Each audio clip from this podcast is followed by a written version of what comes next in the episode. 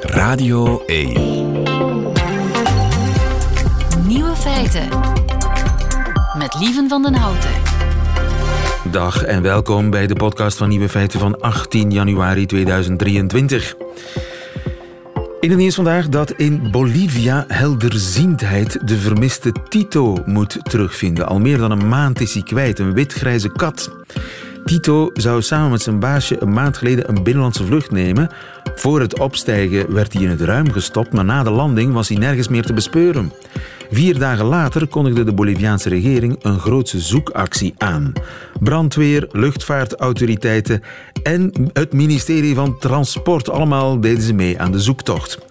Vermoedelijk is Tito vlak voor het opstijgen ontsnapt. En er is al van alles geprobeerd om hem vlak bij de luchthaven te lokken. Met zijn lievelingseten bijvoorbeeld, tonijn. Niks. En nu haalt de Boliviaanse regering de grote middelen boven. Ze hebben een dierenhelderziende op de zaak gezet die contact moet opnemen met Tito om te achterhalen waar hij zit. Moet zeker lukken. De andere nieuwe feiten vandaag.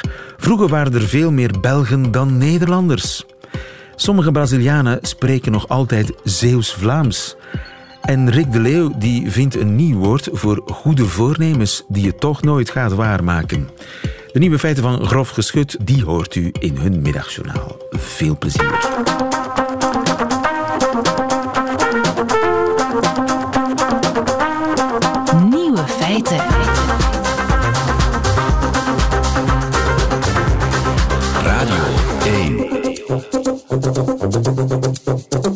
Quizvraagje. Waar is deze man geboren en getogen? Ja, die kan goed Hollands praten, zo kan wij hier praten.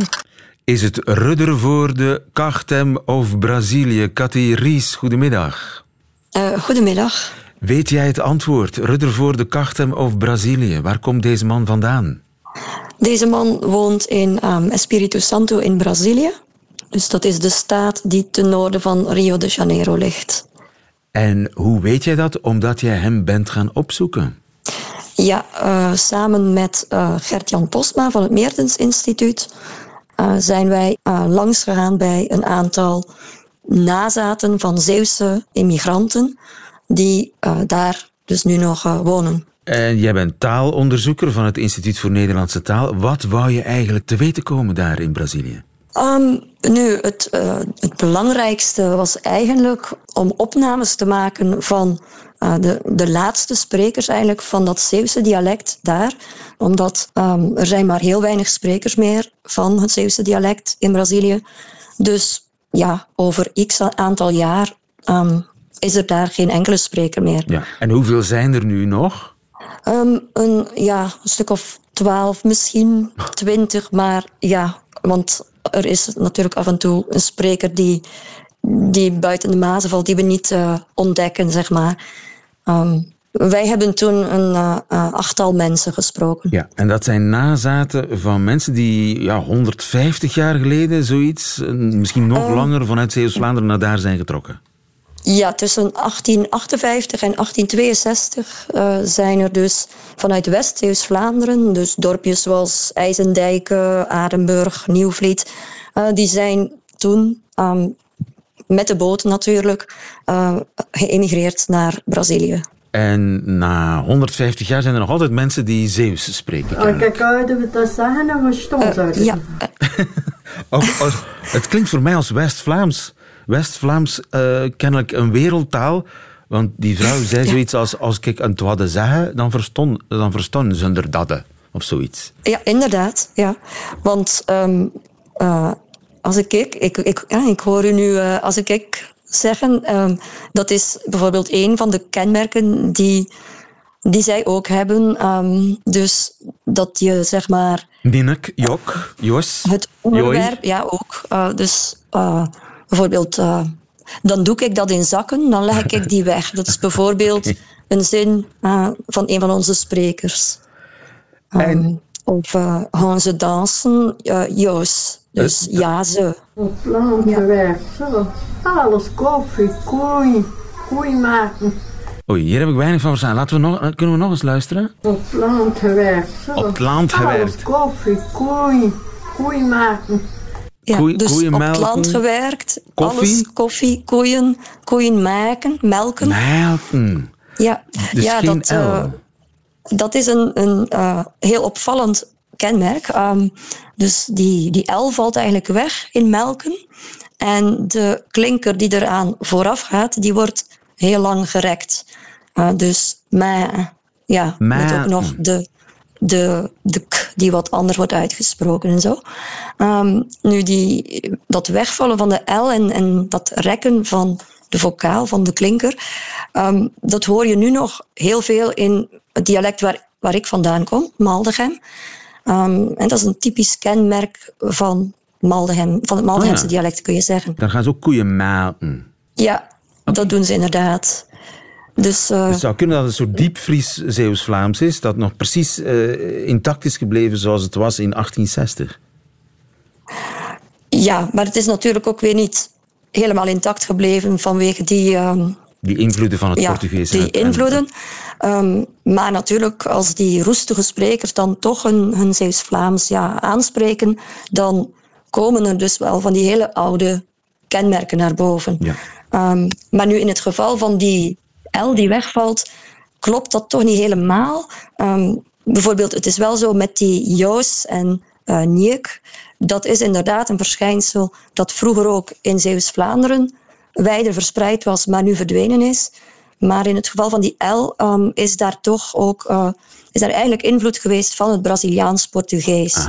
Want ehm, in het Braziliaans-Portugees, de, in sommige woorden, wordt de L eigenlijk een, uitgesproken als een eh, W, een we, zeg maar. Ehm, en dat, je hebt dat dus ook bijvoorbeeld bij het Frans cheval, chevaux. Eh, dus het is eigenlijk een beetje een natuurlijk, spontaan verschijnsel dat die L ehm, of een, een andere eh, medeklinker wordt, namelijk de we, of ze eh, helemaal eh, wegvalt. Het is een beetje moeilijk te zeggen of het eh, inderdaad een soort 19e eeuws Zeeuws is wat ze daar spreken, of een geëvolueerd Zeeuws onder invloed van de lokale talen. Dat moet nog verder on- onderzocht worden misschien, maar ja, het is, de tijd dringt, want het is de laatste, Ja. de laatste der Mohikanen, de laatste der Zeeuwen of Zeeuws-sprekers in Brazilië, die zijn aan het uitsterven. Dankjewel, Cathy Ja, Reis. inderdaad. Goedemiddag. Ja, dankjewel. Goedemiddag. Dag. Het ontbreekwoord. Rick de Leeuw gaat op zoek naar woorden die in onze taal helaas nog niet bestaan. En hij krijgt daarbij de hulp van eh, Ruud Hendricks, de hoofdredacteur van eh, Vandalen. Eh, goedemiddag, Ruud. Goedemiddag. Je bent eh, hoofdredacteur van Vandalen en jurylid van deze, ja, dit ontbreekwoordenmoment, zoals we dat elke woensdag creëren, op initiatief van Rick de Leeuw. Goedemiddag, Rick. Goedemiddag. Rick de Leeuw, je bent de beschermheer van het ontbreekwoord. En het moet gezegd, we mogen trots zijn op onszelf. En jij vooral natuurlijk, Rick. Want wat een prachtige woorden zijn al ontdekt. En vooral de luisteraar van Radio 1 mag Dankzij trots de zijn. luisteraars. Want die heeft er uiteindelijk eh, de, de creativiteit gehad om een woord zoals huicheljuichen te bedenken. Huicheljuichen. Nieuw woord voor het, de geveinsde dankbaarheid bij het ontvangen van een teleurstellend Mooi, cadeau. mooi, mooi, mooi. Kaatsbellen. Ja. Het heen en weer bellen. Een situatie waarbij je elkaar op hetzelfde moment probeert te bellen en daardoor elkaar niet aan de lijn krijgt. Blunderdrang. Dingen doen waarvan je al op voorhand weet. Ik, dit is verschrikkelijk, maar ik, ik kan het niet laten. Blunderdrang. Geweldige nieuwe woorden. Eh, wat zochten we deze week ook alweer, Rick? Het ligt dicht bij de blunderdrang. Eh, We zochten een nieuw woord voor al die goede voornemens aan het begin van het nieuwe jaar. Waarvan we eigenlijk op voorhand al weten dat ze volstrekt onrealistisch zijn. Ja, loze Dat beloftes, dus. maar dan loze voornemens eigenlijk. Maar dan in één woord.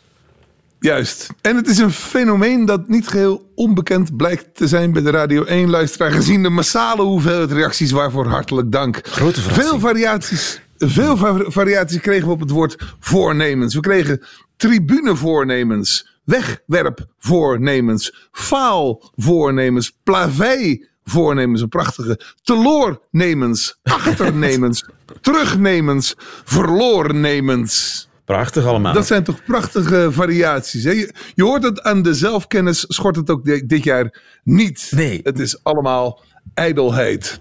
Heb jij een soort van top voor ons? Want dat waren al prachtige suggesties. Tribunebeloftes. Of wat is het? Tribunevoornemens? Mooi, hè? Tri tribunevoornemens, ja. ja, ja. Wat en de, de, de weg naar de, he- naar de hemel is geplaveid. De, de weg naar de hel is geplaveid met goede voornemens. Het is daarom dat de plavei-voornemens werden gesuggereerd door Willy Hillen. Oh, Ja, ja, ja, nu je het zegt, ja. Goed, wat Er is, jouw, echt wat, over nagedacht. wat zijn jouw De favorieten? top 7. Juist. De top 7.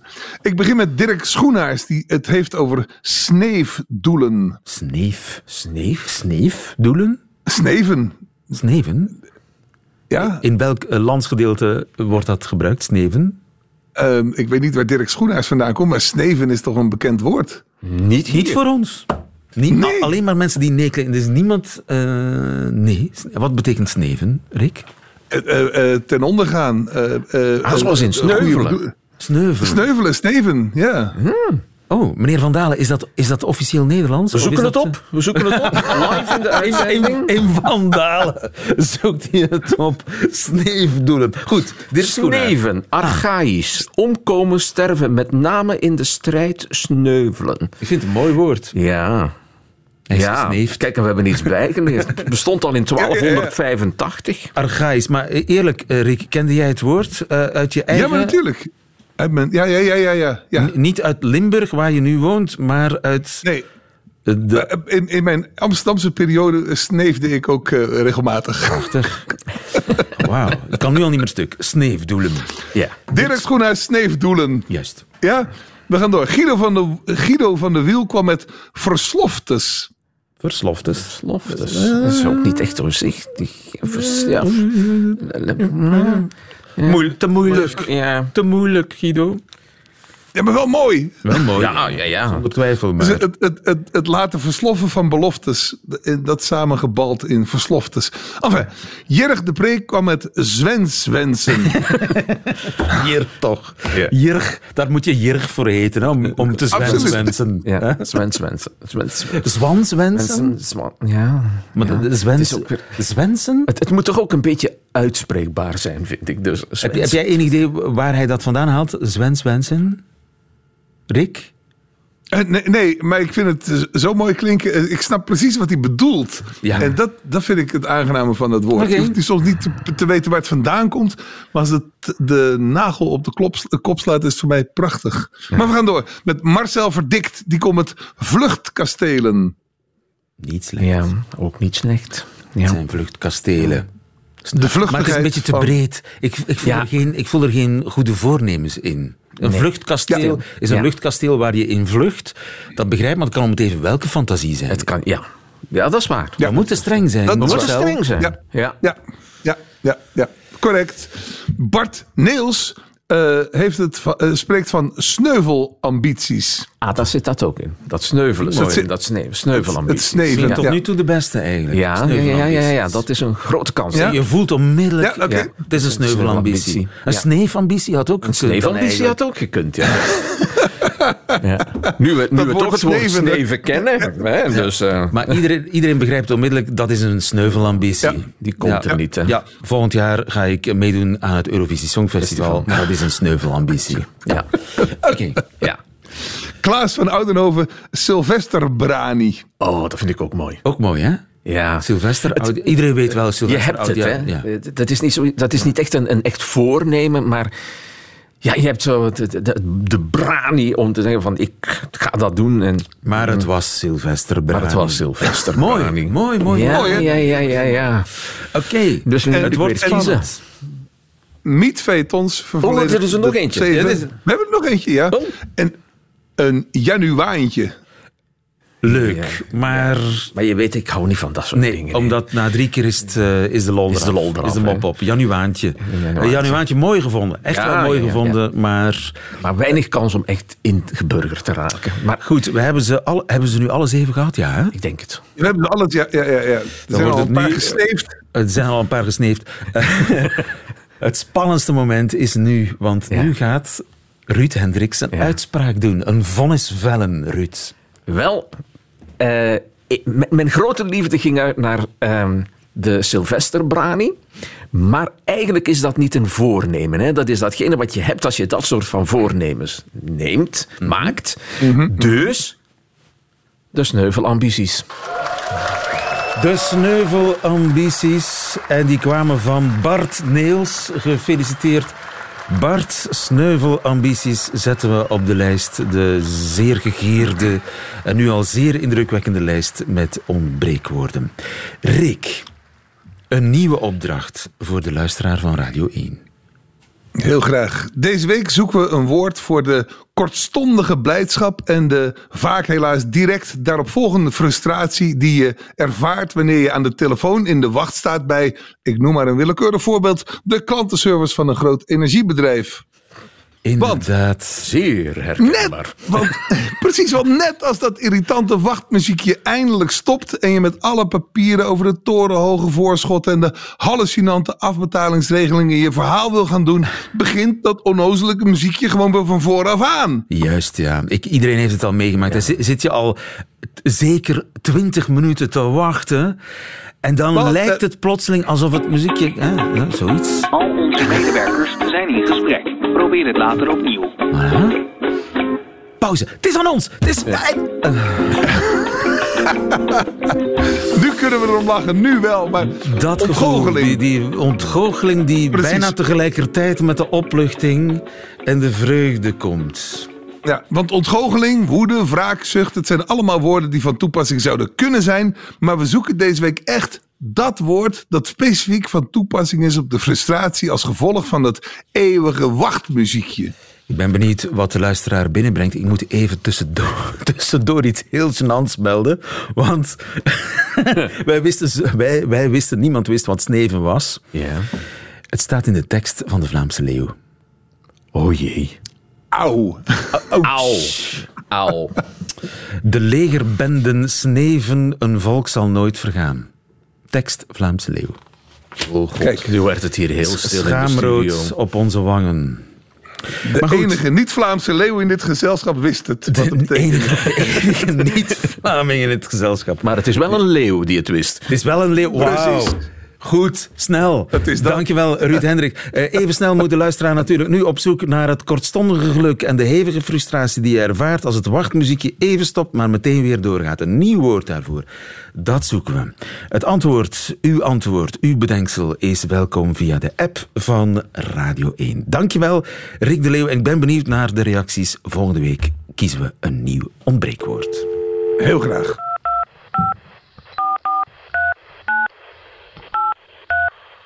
Goeiedag. Wij willen uw oproep momenteel niet beantwoorden. Al onze medewerkers zijn op het ogenblik bezet omdat ze op Twitter zitten. Uw oproep is onbelangrijk voor ons. Er zijn meer dan 7 miljard wachtenden voor u.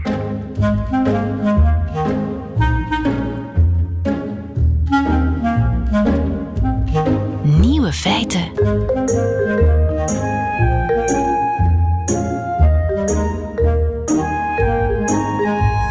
Soms verschiet ik van iets wat ik in de krant lees. En zo lees ik bijvoorbeeld in NRC, de Nederlandse krant, dat er vroeger veel meer Belgen waren dan Nederlanders. Wist ik niet. Patrick de Bozere, goedemiddag. Ja, goedemiddag. Je bent demograaf aan de VUB. Wanneer hebben de Nederlanders ons ingehaald? Eh, wanneer dat Nederland eh, een grotere bevolking heeft gekregen, is ongeveer in het interbellum geweest, uh, pakweg laat? 1933, 1934. Ja. Pa- Pas in de jaren 30 zijn er meer Nederlanders gekomen dan Ja, Belgen. Dan zijn er ongeveer 8,3 miljoen Nederlanders en de Belgen zijn dan ongeveer 8,2 miljoen. Dus ongeveer op dat moment is dat verschil. En hoe zat het zo rond 1830? Wel, uh, midden van de 19e eeuw was uh, de Belgische bevolking dat was ongeveer een 4,3 miljoen en de Nederlandse bevolking een 3 miljoen. Uh, en dan heb je eigenlijk, als je kijkt, de vooravond van de Eerste Wereldoorlog, beide landen hebben 3 miljoen inwoners gewonnen, hè, zijn dus gestegen in bevolkingsaantal. Maar België zit dan op 7,6 miljoen, Nederland op een goede 6 miljoen. Maar natuurlijk voor Nederland is dat de verdubbeling van de bevolking, terwijl in België al zie je al dat het groeitempo lager ligt. Ja, ja. Maar dus eigenlijk het hoogtepunt lag zo begin 19e eeuw. Daar waren er ja, bijna dubbel zoveel Belgen dan Nederlanders. Uh, midden van de 19e eeuw zeker uh, waren er uh, ja, 4,3 miljoen Belgen. Dubbel is een beetje veel. Dit is een beetje overdreven natuurlijk. Maar, maar, maar België was een van de dichtbevolkte streken van de wereld. Hè. Dus België was. en dat kwam door onze, neem ik aan, redelijk vroegtijdige industriële revolutie.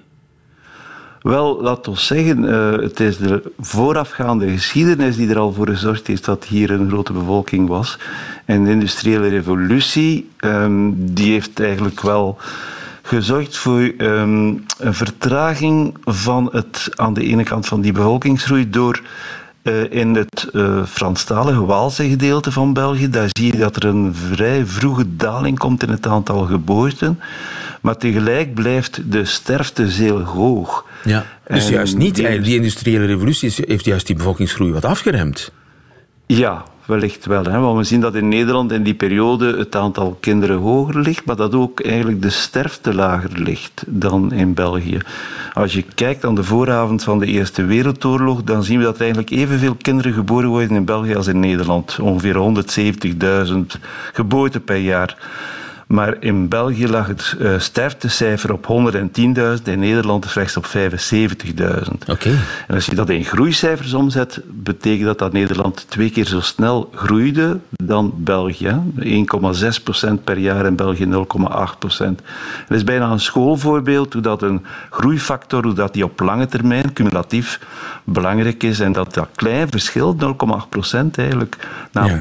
een generatie of twee gaat leiden tot een veel grotere Nederlandse bevolking. Maar hoe zat dat dan eigenlijk? Waar, waarom waren wij zo met zoveel? Waarom is België traditioneel zo'n dichtbevolkt land? Het was een, rijk, een rijke streek, hè? Een, hele, een hele rijke streek. En dus uh, had je. Maar je had eigenlijk um, in, die, in die rijke streek door handel en door industrie, maar proto-industrie. Uh, proto-industrie, wat bedoel je daarmee?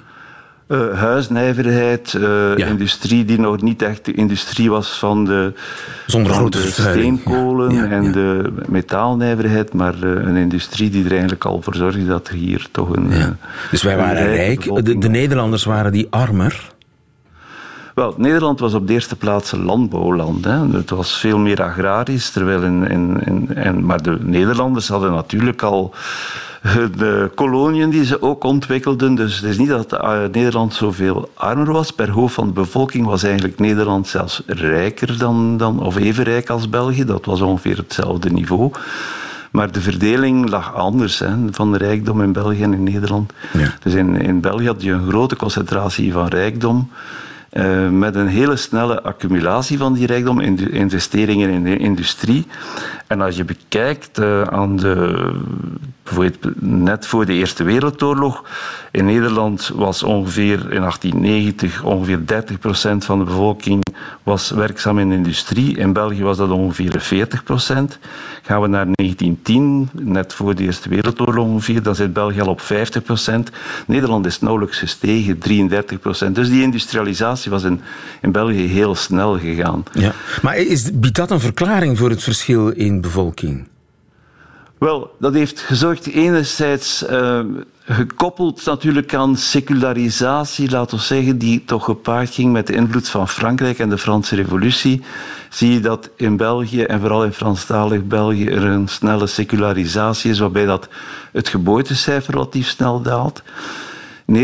Vlaanderen zit met een hoog geboortecijfer, maar Vlaanderen kent een ontstellend hoge kindersterfte, zuigelingensterfte is zeer hoog in Vlaanderen.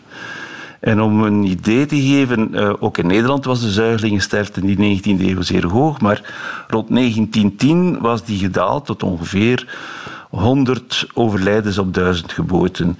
En in uh, Franstalig België was dat ook het geval. Die was ook gedaald tot ongeveer 100 overlijdens op uh, 1000 geboorten. Maar in Vlaanderen lag op dat moment de uh, zuigelingensterfte rond 1910 lag die nog op 200 zuigelingen op 1000 ja. geboorten, dubbel zo hoog. Dus dat betekent dus met dezelfde geboortecijfer dat je een veel hogere sterfte had in Vlaanderen, waardoor dat eigenlijk die, die verschillen zich ontwikkelden van die snellere groei in Nederland. Dus wij zijn eerder van ons geloof gevallen, zeg maar, als ik het eh, een beetje simpel maak. En eh, de Nederlanders waren uh, hygiënischer, hadden een betere gezondheidszorg, waardoor hun kinderen minder sterven en ze bleven... ja, maar die, die, die industriële revolutie die bracht natuurlijk met zich mee dat vrouwen heel snel terug aan het werk moesten, dat ze dus geen borstvoeding konden geven en dat dus vaak die vervangingsmiddelen onhygiënisch waren, vooral dat water onvoldoende. En dus dat kleine verschil, dat maakt natuurlijk dat uh, de bevolking in Nederland is blijven groeien. En in België, ja, en ik tel er dan ook de Eerste Wereldoorlog niet bij, ja, waar, waar die in Nederland natuurlijk veel minder slachtoffers gemaakt heeft. Ja, de Eerste Wereldoorlog heeft natuurlijk een heel groot verschil gemaakt, ook omdat Nederland is niet betrokken geweest in die Eerste Wereldoorlog. En, en zo dus is het allemaal België, gekomen. Uh, ja, het verschil in die vijf jaar is natuurlijk zeer groot geweest, want België heeft op dat moment een inzinking gehad van het aantal geboorten. Dus het geboortecijfer is eigenlijk uh, vijf jaar op rij lager geweest dan het aantal overlijdens. Dus je krijgt een bevolkingskrimp, ook nog met vluchtelingen uit België, die uit België naar Nederland trekken en naar Frankrijk. Terwijl dat je in, in, Nederland geen daling hebt van het aantal geboorten, geen hogere sterfte ook, uitgenomen het jaar van de Spaanse griep 1918, 1919 heb je ook wel hoge sterfte. Geen immigratie uit Nederland, maar eerder immigratie. Dus mensen komen naar Nederland omdat het daar uh, ontsnapte aan de oorlog. En dus gecombineerd in die jaren heeft Nederland een groei van gemiddeld ongeveer 2% per jaar van de bevolking.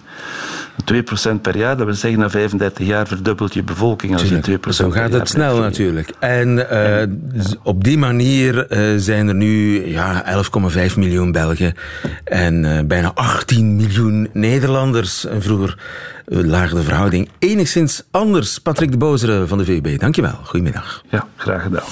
Nieuwe feiten. Radio 1. En dat waren ze, de nieuwe feiten van deze woensdag, de 18e januari 2023. Alleen nog die van het Nederlands-Vlaamse cabaretduo Grof Geschut. Die krijgt u nu in hun middagjournaal. Nieuwe feiten. Middagjournaal. Beste luisteraar. Vorige week speelden we in Theater de Bussel in Oosterhout. Het theater wordt gerund door een vrouwelijke directeur en ook in het team zitten een heleboel vrouwen. En begrijp ons niet verkeerd, we willen zeker niet stereotype vestigend zijn, maar eh, altijd gevaarlijk, zo'n maar. Ja, je merkt dat toch wel. Gewoon die finesse, dat oog voor detail van een vrouw. Het was tot in de puntjes verzorgd.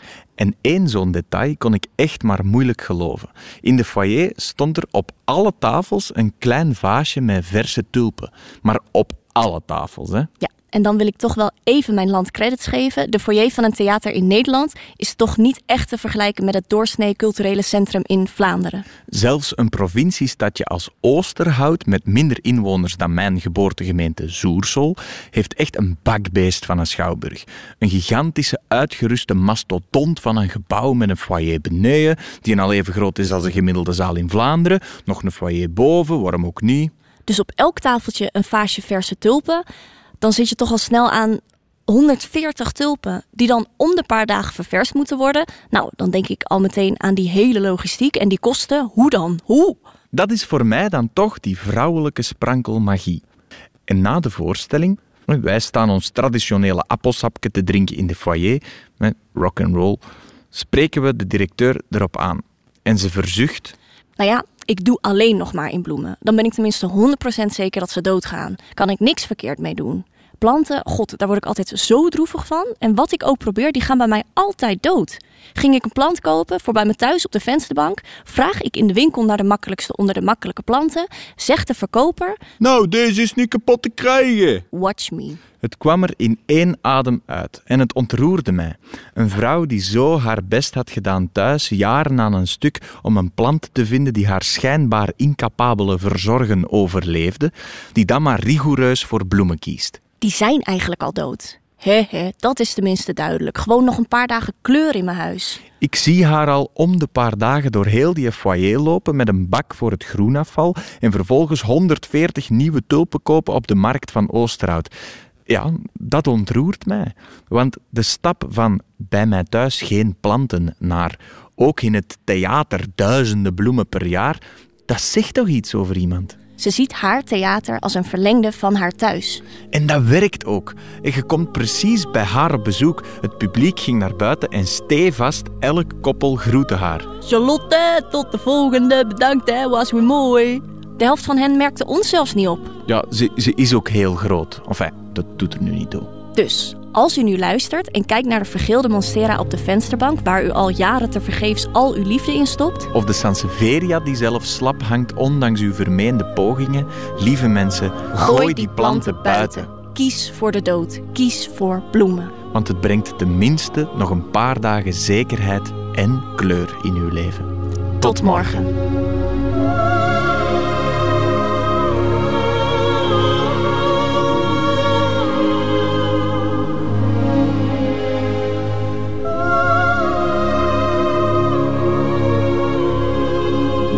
Het middagjournaal met grof geschut. Einde van deze podcast van Nieuwe Feiten. Hoort u volledige uitzending liever? Dan eh, kunt u natuurlijk altijd live luisteren tussen 12 en 1 elke werkdag op Radio 1 of on demand via de Radio 1 app of website. Tot een volgende keer.